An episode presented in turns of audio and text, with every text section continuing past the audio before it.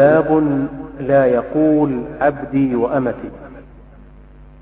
في الصحيح عن أبي هريرة رضي الله عنه أن رسول الله صلى الله عليه وسلم قال لا يقل أحدكم أطعم ربك وضئ ربك وليقل سيدي ومولاي. ولا يقل أحدكم عبدي وأمتي وليقل فتاي وفتاتي وغلامي. بسم الله الرحمن الرحيم. الحمد لله وصلى الله وسلم على رسول الله وعلى آله وصحبه. أما بعد يقول المؤلف رحمه الله باب لا يقول عبدي وأمتي.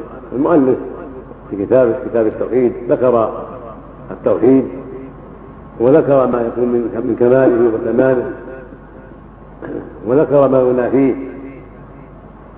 فهو كتاب جامع. ذكر التوحيد وضده وذكر ما يكمله وذكر ما ينافي كماله. وهذا الباب مما ينافي كمال التوحيد فلهذا ذكره قال لا يقول عبدي وآمتي. لا يقول العبد عندما يخاطب جاريته أو غلامه عبدي وآمتي.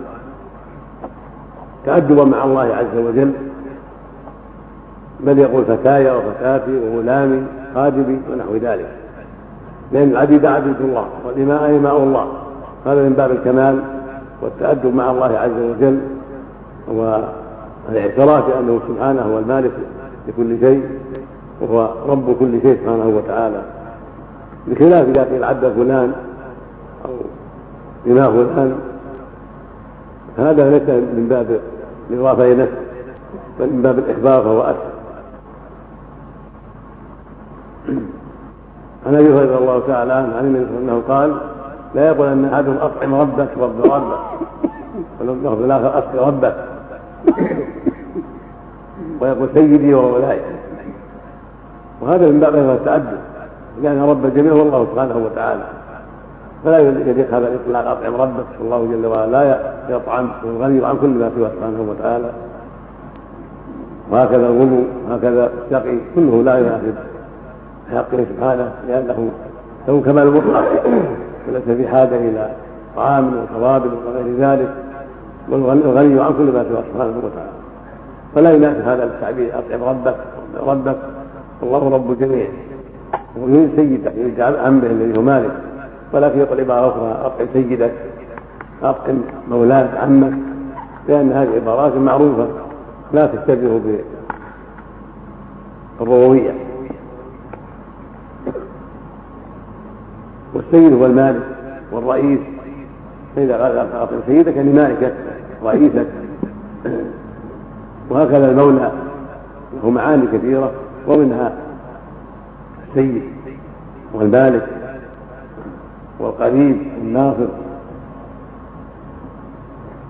جاء في بعض الروايات الأخرى لا يقول أن مولاي فإن مولاكم الله لكن محفوظ عند أهل العلم رواية الإذن لأن كلمة المولى مشتركة.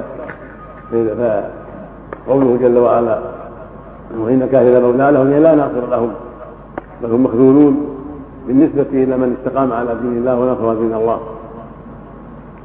فلا حرج أن يقول مولاي قريبي أو عتيقي أو معتقي أو سيدي بهذا كما في الحديث هذا ويقول سيدي ومولاي. واقترح الناس الآن عمي يعني الملك فيقال عمي ويقال سيدي ويقال مولاي ويقال ما أشبه لما اصطلحوا عليه واعترفنا به بدل من ربي. ولا يقول فتاي وفتاة ولا يقول فتاي وفتاة وغلامي. ولا يقول عبدي وامتي كما تقدم. كل هذا من باب الأدب مع الله في عدم اطلاق الرب على السيد وفي عدم قول عبدي وامته وليستعمل الألفاظ البعيدة عن المشابهه والبعيدة عن سوء الأدب. فيقول غلامي فتاي جاريتي ولا يقول عبدي وامتي وكذلك لا يقول اطع ربك واطع ربك اطع ربك. فيقول يقصد به السيد ولكن يقول